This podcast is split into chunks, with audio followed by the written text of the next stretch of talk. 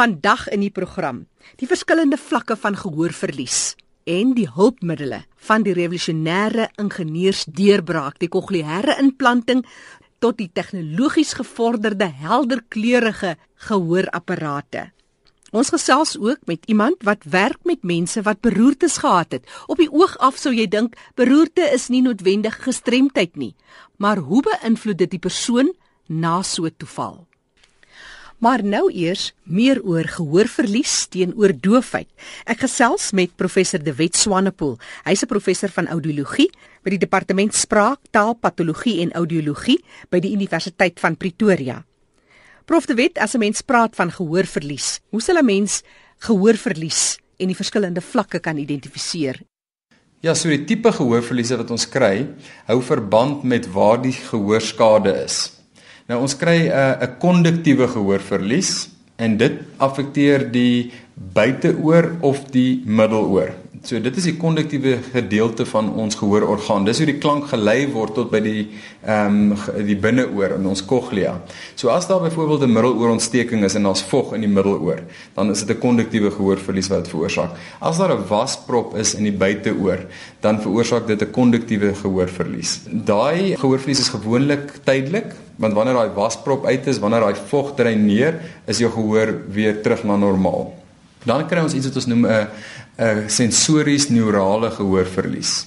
Dis 'n permanente gehoorverlies. Dis wanneer daai sensitiewe haarselletjies in die sensoriese orgaan, die binneoor, die cochlea doodgaan en en wanneer hulle nie meer daar is nie en en dit veroorsaak 'n afname in gehoorsensitiwiteit en dis die permanente gehoorverlies. Partykeer natuurlik kan jy 'n kombinasie kry, dan noem ons dit 'n gemengde gehoorverlies, maar meeste van die tyd uh, is dit of die een of die ander net oor die interessantheid van 'n kokleaire implanting mm. want dit is regtig 'n wonderwerk mm. ingebeur net baie kortliks in in eenvoudige terme ja dis 'n revolusionêre ingenieursdeurbraak jy weet dit is 'n werklike ingenieurswonderwerk 'n bio-ingenieurswonderwerk dit is waar ons ehm, 'n um, elektrode by iemand wat uh gewoonlik doof is of 'n baie ernstige gehoorverlies het, wat ons 'n elektrode met klein kontakpuntjies in die binneoor, naai slakkehuis indruk. So hy gaan reg reg rondom daai slakkehuis tot bo en elke een van daai kontakpunte op daai elektrode gee elektriese impulse van verskillende frekwensies. So net soos daai haarselletjies vir verskillende frekwensies ehm um, stimulasie gee, gee ons nou die stimulasie deur 'n elektrode en uh, en en as 'n toestelletjie buite die oor wat die klank opneem en dan gee hy elektriese impulse op grond van die frekwensie van daai klank of daai spraak in hy stimuleer letterlik die senuwee direk. En die brein is so wonderlik en so plasties dat hy daai elektriese impulse oor tyd interpreteer soos spraak.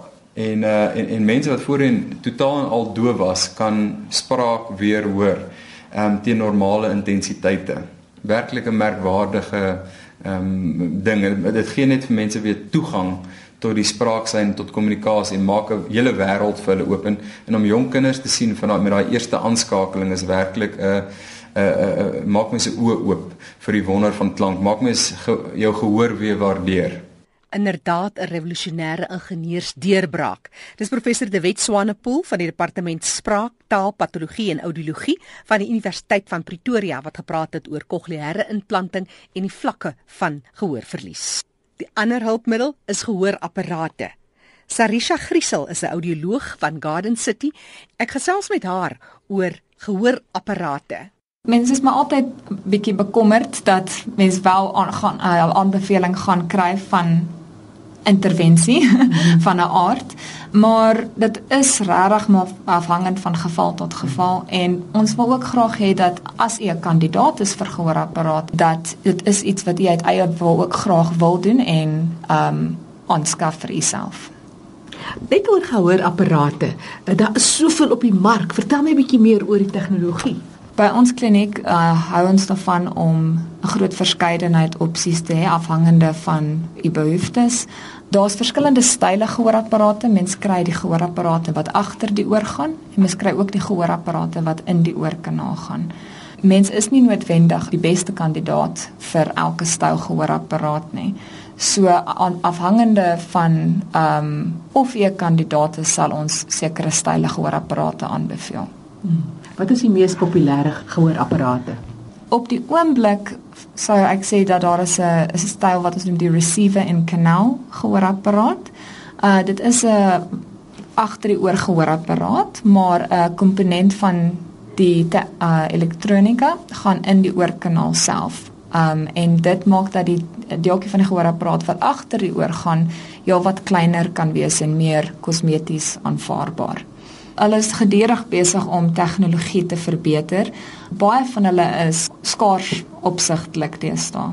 Afhangende van uh die mate van gehoorverlies sal ook bepaal wat is nog steeds um wel 'n kandidaat vir. Is nie noodwendig enige gehoorapparaat. Meeste gehoorverliese um pas met baie uh, kosmeties aanvaarbare gehoorapparate.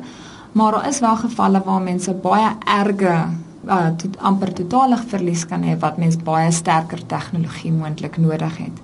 Ander gevalle is dit ook dat mense um ja wat was gereelde was opbou in die oorkanaal het wat um kan veroorsaak dat as mens sê nou maar van die elektronika in die oorkanaal aan blootstelling gee dan gaan dit meer gereeld herstelwerk nodig hê of probleme met die was wat die elektronika kan affekteer.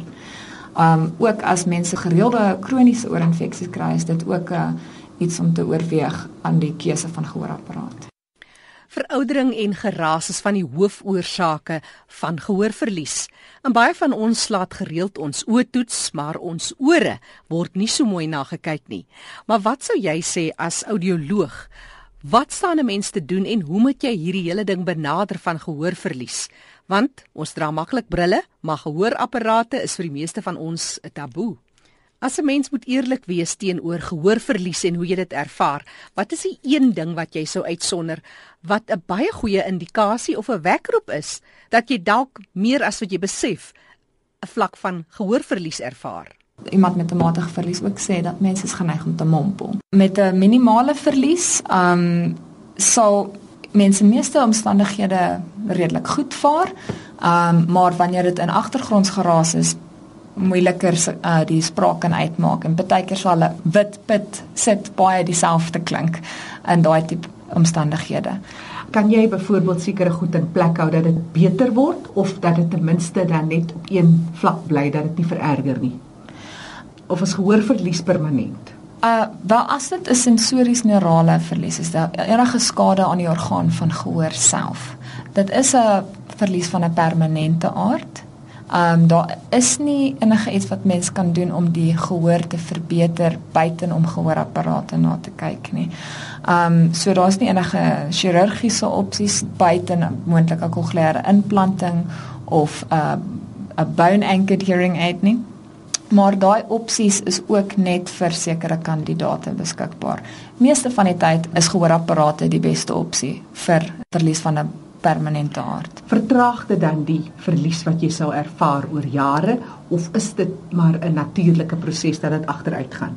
Nee, 'n gehoorapparate sal glad nie die gehoor enigsins vertraag nie. Um, dit is baie goed vasgestel presies hoeveel amplifikasie nodig is met gehoorapparate vir 'n spesifieke verlies. As 'n mens 'n erge gehoorverlies het, dan is dit wel redelik hard die klank wat ons in die oor instuur. So dit kan moontlik oor 'n lang tydperk die gehoor bietjie affekteer. Maar in die algemeen gehoorapparate ehm um, van vir 'n minimale matige selfs redelik erge verlies, daar is geen moontlike skade aan die ge gehoor verder self nie. Dit sal maar soos wat dit uh natuurlik sal moontlik bietjie afneem soos wat mens ouer word. Elke tweede jaar kan jy jou bril vervang. Jy kan jou lense net vervang as jy wil of partykeer as jy in elk geval lus vir 'n nuwe raam. Uh, kan jy byvoorbeeld 'n apparaat gebruik baie langer en dan die tegnologie aanpas of kom elke apparaatjie met sy eie tipe tegnologie? Waar gehoorapparate se lifespan is omtrent so 4 tot 5 jaar. Ons beveel aan dat u gehoorapparaat maar binne so 4 of 5 jaar na 'n nuwe gehoorapparaat kyk. Daar's nie eintlik 'n opsie vir opgradering van gehoorapparate nie. Mense sal kyk na 'n nuwe gehoorapparate. As ons gehoorapparate kies, die hoeveelheid versterking wat die gehoorapparate kan aanbied, moet altyd bietjie reserve oor hê omdat ons dit kan aanpas as die gehoor enigsins verander. 'n Gehoorapparate begin hulle het hulle al in verskillende kleure begin uh, uitbring party met uh, mense is al so gemaklik met hulle gehoorapparate, hulle kies selfs blou of pink. Sarisha Griesel is 'n audioloog wat gesels het oor die belangrikheid van gehoortoetse en die hulpmiddels in die vorm van soos sy sê veelkleurige tot baie tegnologies gevorderde gehoorapparate. En nou meer oor beroerte en die impak wat dit het op die persoon wat 'n beroerte gehad het se lewe. Fanie de Tooi het gaan uitvind en gesels met Hanlie Visser. Stel ons voor aan jou gas Fanie. Hanlie is 'n leefstyl konsultant van die Trans 50 groep by Figer Park Aftreeoord daar in Bloemfontein. Welkom by ons Hanlie. Baie dankie Fanie. Hanlie, mense praat baie oor beroerte en mense praat van vasikulêre insidente en dis meer maar wat moet Jan en San in straat verstaan van beroerte? Fani, 'n beroerte staan ook bekend as 'n cerebrovaskulêre insident. En 'n beroerte is wanneer die bloedvloei van die uh, na die brein onderbreek word as gevolg van verskeie faktore soos byvoorbeeld hoë cholesterol wat verharding of verkalking veroorsaak. En daar kan dan ook uh, onomkeerbare skade in die brein plaasvind indien die brein vir 3 minute of langer nie suurstof gekry het nie. Nou wat sal ons sê is die hoofoorsake as of is daar hoofoorsake van beroerte? Ja, Fanny, daar is drie hoofoorsake van 'n beroerte en ehm um, dit is ehm um, breinbloeding wat plaasvind wanneer die bloedvaat binne die brein uh, bars of trombose wat deur dit stolsel veroorsaak word wat blokkade of obstruksie van die bloedvaat teweegbring. By embolus wat 'n stuk bloedstolsel of ander substans is wat gedra word in die bloed vanaf 'n ander deel van die liggaam en gaan vassit in 'n bloedvaat in die brein. En meer bekende oorsake is dan nou goed soos byvoorbeeld hipertensie, hoë cholesterol, obesiteit, ehm hart uh, toestande, diabetes en rook, orale kontrasepsie en stres. En ek wil dan nou ook net noem dat dit uh, by mans sowel as vroue voorkom en dat ouderdom nie regtig 'n rol speel nie want dit kan by enige iemand voorkom. Ja, dit is baie belangrik om daarvan kennis te neem en hoekom gesels ons in die program Leefwêreld van die gestremde daaroor want die komplikasies en die impak van beroerte is geweldig op die persoon se fisieke en emosionele toestand en dis meer maar ons gaan nou daarby kom. Hanlie, die nagevolge, dit kan wissel van persoon tot persoon afhangende natuurlik van watter deel van die brein aangetast is. Wat kan jy daarvan ons vertel? Van die nagevolge sal wissel van persoon tot persoon afhangende van watter deel van die brein aangetast is deur die beroerte. Swakheid van die gesig, arm en been aan die een kant kan voorkom en die persoon kan dit moeilik ervaar en 'n onvermoë hê om te kan kommunikeer en te praat en probleme met sluk en eet en verlies van beheer oor die blaas en rektum en verlies van sensasie of vermindering van sensasie kan voorkom. Die persoon kan ook probleme ervaar met geheueverlies en 'n beperking van konsentrasie en vermoë en verlies van emosionele beheer, byvoorbeeld woede, baie depressie, frustrasie en moegheid kan voorkom en die persoon se balans kan ook geaffekteer wees. Hanlie, 'n luisteraar wil weet oor beroerte, iemand wat beroerte gehad het, kan so 'n persoon weer herstel? Van die grootste gedeelte van herstel is geneig om binne die eerste aantal weke plaas te vind en verbetering sal egter na hierdie tyd nog steeds plaasvind alhoewel dit stadiger kan wees en sommige van die simptome van beroerte mag spontaan herstel maar nie ten volle nie en navorsing toon dat indien die behandeling geskied binne die eerste halfuur na beroerte kans op herstel kan verdubbel. As ons praat van hoe lank, wat sê ons? Ons dit wissel van persoon tot persoon afhangende van verskeie faktore insluitende hoe erg die beroerte was maar is gewoonlik 'n verlengde proses. En uh die familie. Wat is die uitdagings van die vir die familie in so 'n geval? Raak beslis al die familielede en dit is regtig baie belangrik dat die familie betrek moet word by die ehm um, rehabilitasie uh, proses. Ja, jy's ten nouste betrokke by hierdie rehabilitasie proses en die vraag van my kant is wie is almal betrokke? Wie moet betrek word by daardie rehabilitasieproses? Vir my, soos wat ek dan nou gesê het, die, die familie is baie belangrik en dan die hele multidissiplinêre span en persone wat dan nou ingesluit is by die multidissiplinêre span is dan nou byvoorbeeld die fisio en die arbeidsterapeute, die spraakterapeut wat dan nou kan help met die spraakprobleme wat die persoon kan ervaar, die maatskaplike werkster, 'n beroepsadviseur van die persoon kan dalk nog werk, die mediese personeel en dan ook verpleegpersoneel. Jy praat dan van fisioterapeute en arbeidsterapeute. Kom ons kyk na die rol van die fisioterapeut. Hoe is die fisioterapeut betrokke? Van die doel van die fisioterapeut is om, om die herstel van die geaffekteerde kant tot die maksimum te herstel om onafhanklikheid te bevorder met die funksionele take soos byvoorbeeld om self te kan draai in die bed in en uit die bed te kan beweeg en verplasings te kan doen soos byvoorbeeld van die bed na die rolstoel of van die rolstoel na die bed en te kan stap en trappe te klim deur middel van uh, oefeninge met gekontroleerde beweging. Sodra die persoon wat die beroerte gehad het gereed is vir aktiewe rehabilitasie, is die fisiese behandeling hoofsaaklik gefokus op die verbetering van die balans met sit en staan sodat die persoon daaglikse take so effektief moontlik kan uitvoer en hulle fokus ook op die styfheid van die spiere om dit te verminder deur gekontroleerde beweging en gewig op die geaffekteerde kant uh, dit aan te moedig en ook die aanmoediging van beweging van die nie geaffekteerde kant om styfheid van die gewrigte te voorkom en seker te maak dat beide kante in beweging bly. En belangrik dan ook is om die persoon te leer loop indien dit weer moontlik is. En dit is baie belangrik dat mense moet besef dat fisioterapeute so 'n persoon kan help om soveel moontlik onafhanklik te kan funksioneer, maar dat die persoon nie noodwendig ten volle sal kan herstel nie.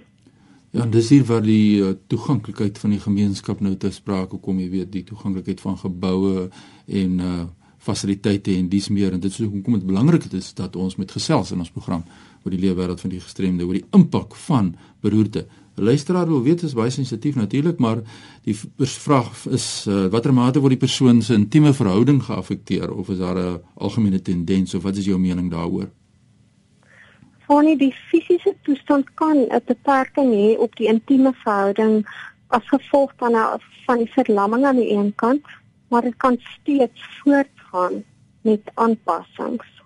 Ja, ons gaan net nou ook jou kontakbesonderhede deurgee as daar mense is wat navraag het oor hierdie saak en die impak van beroerte is natuurlik aan die visser wat met ons gesels oor die baie belangrike saak en dit natuurlik beroerte en dit kom al meer en meer voor wêreldwyd soos 'n groot uitdaging.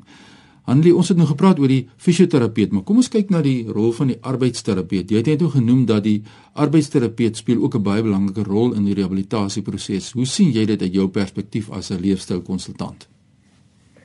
Fanie die arbeidsterapeut help met die verbetering van fisiese funksionering deur te werk aan die regte posisionering van die persoon sodat die ver, uh, verkeerde liggaamshouding voorkom moet word en hulle ondersteun die persoon om balans in versekerde posisies te kry en gebruik spesifieke tegnieke om beweging in die geaffekteerde ledemate te bevorder en ook om die fyn motoriese beweging van die hand te bevorder deur verskeie aktiwiteite wat aangebied word.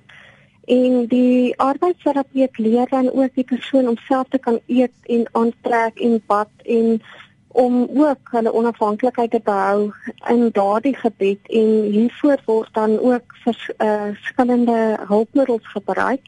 En baie belangrik is dan ook dat die arbeidsterapeut aanbevelings kan maak met spesifieke hulpmiddels wat weer 'n wye veld op hulle self is en hulle help ook met die aanpassings in hulle eie woonareas om dit vir hulle so toeganklik as moontlik te maak. Jy voel baie sterk oor die rol van die arbeidsterapeut en arbeidsterapie. Hoekom is dit so noodsaaklik? Van die arbeidsterapeut neem alle aspekte in ag tydens rehabilitasie en daarom vorm hulle 'n integrale rol om die persoon wat die beroerte gehad het weer 'n sinvolle rol in die samelewing te kan vul. Nou ja, soos ons gesien het hier is 'n baie omvattende saak. Dit is die impak op die persoon, dan om sy fisieke omgewing en dis meer en emosioneel en al die rolspelers wat dan moet kyk op 'n holistiese wyse na hierdie persoon en hoe om hierdie persoon weer te rehabiliteer en om hierdie persoon toe te laat om tot volle potensiaal nog verder te kan ontwikkel en te kan kwaliteit van lewe te kan hê. Dis baie baie interessant. Dan ek, ek het so baie geleer uit wat jy nou vir ons gesê het en uh, hierdie multidissiplinêre span, dit is regtig waar insiggewend vir my. Jy het 'n uh, baie interessante gedig wat jy altyd vir ons voorhou as jy met ons gesels oor hierdie saak oor die impak van beroerte op die mens en dis meer. Maar 'n uh, vraag van my kant af, sou jy sê dat moet nog baie gedoen word in die gemeenskap om die gemeenskap uh, in te lig oor die impak van beroerte? Of dink jy daar's 'n algemene goeie kennis in die gemeenskap? Want ek dink daar is baie werk en ek dink ons moet maar altyd um die boodskap nog uitdra aan die gemeenskap. Vir al dat hulle ook geduld moet hê en dat hulle ook moet weet hoe om hierdie mense te hanteer en dat die mense nog normaal is en dat hulle maar fisiese inperkings het en dat hulle ook moet weet hoe om hierdie mense te hanteer en dat hulle net soveel regte het soos enige ander mens dat hulle ook emosies en goed ervaar al kan hulle dit nie wys nie en dat hulle fisiese gestremdhede nie maak dat hulle nie mense is soos wat enige ander een van ons is nie Ja, en wat dinge verkeerd gaan, het jy soos ek gesê het altyd 'n gedig wat jy vir ons voorhou. Wat is daai spesiale boodskap wat jy as 'n gedig van 'n onbekende skrywer, wat sê die boodskap? When things go wrong, as I sometimes will, when the road you're trudging seems all uphill, when the funds are low and the debts are high, when you want to smile but you have no sign, when care is pressing down a bit, rest if you must, but don't quit. Success is failure turned inside out, the silver tint of the clouds of doubt and you never can tell how close you are. It may be near when it seems so far. So stick to the fight when you are hardest hit. It's when things seem worse that you must not quit. Ja, ek dink daar's baie mense wat deur verlies geraak word wat hier mee kan identifiseer. Baie dankie Annie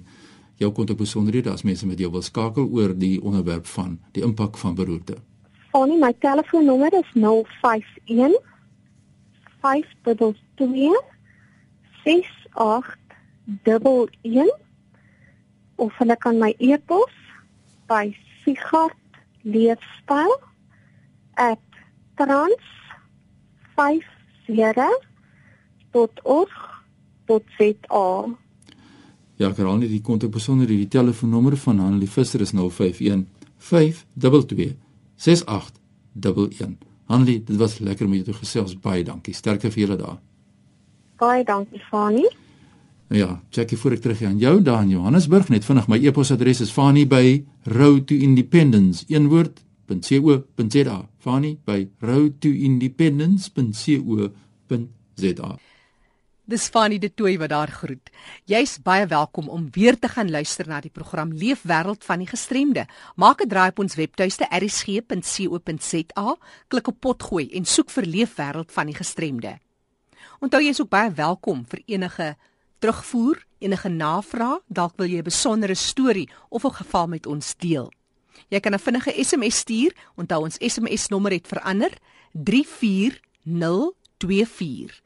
34024. Ek is Jackie January wat groet tot 'n volgende keer.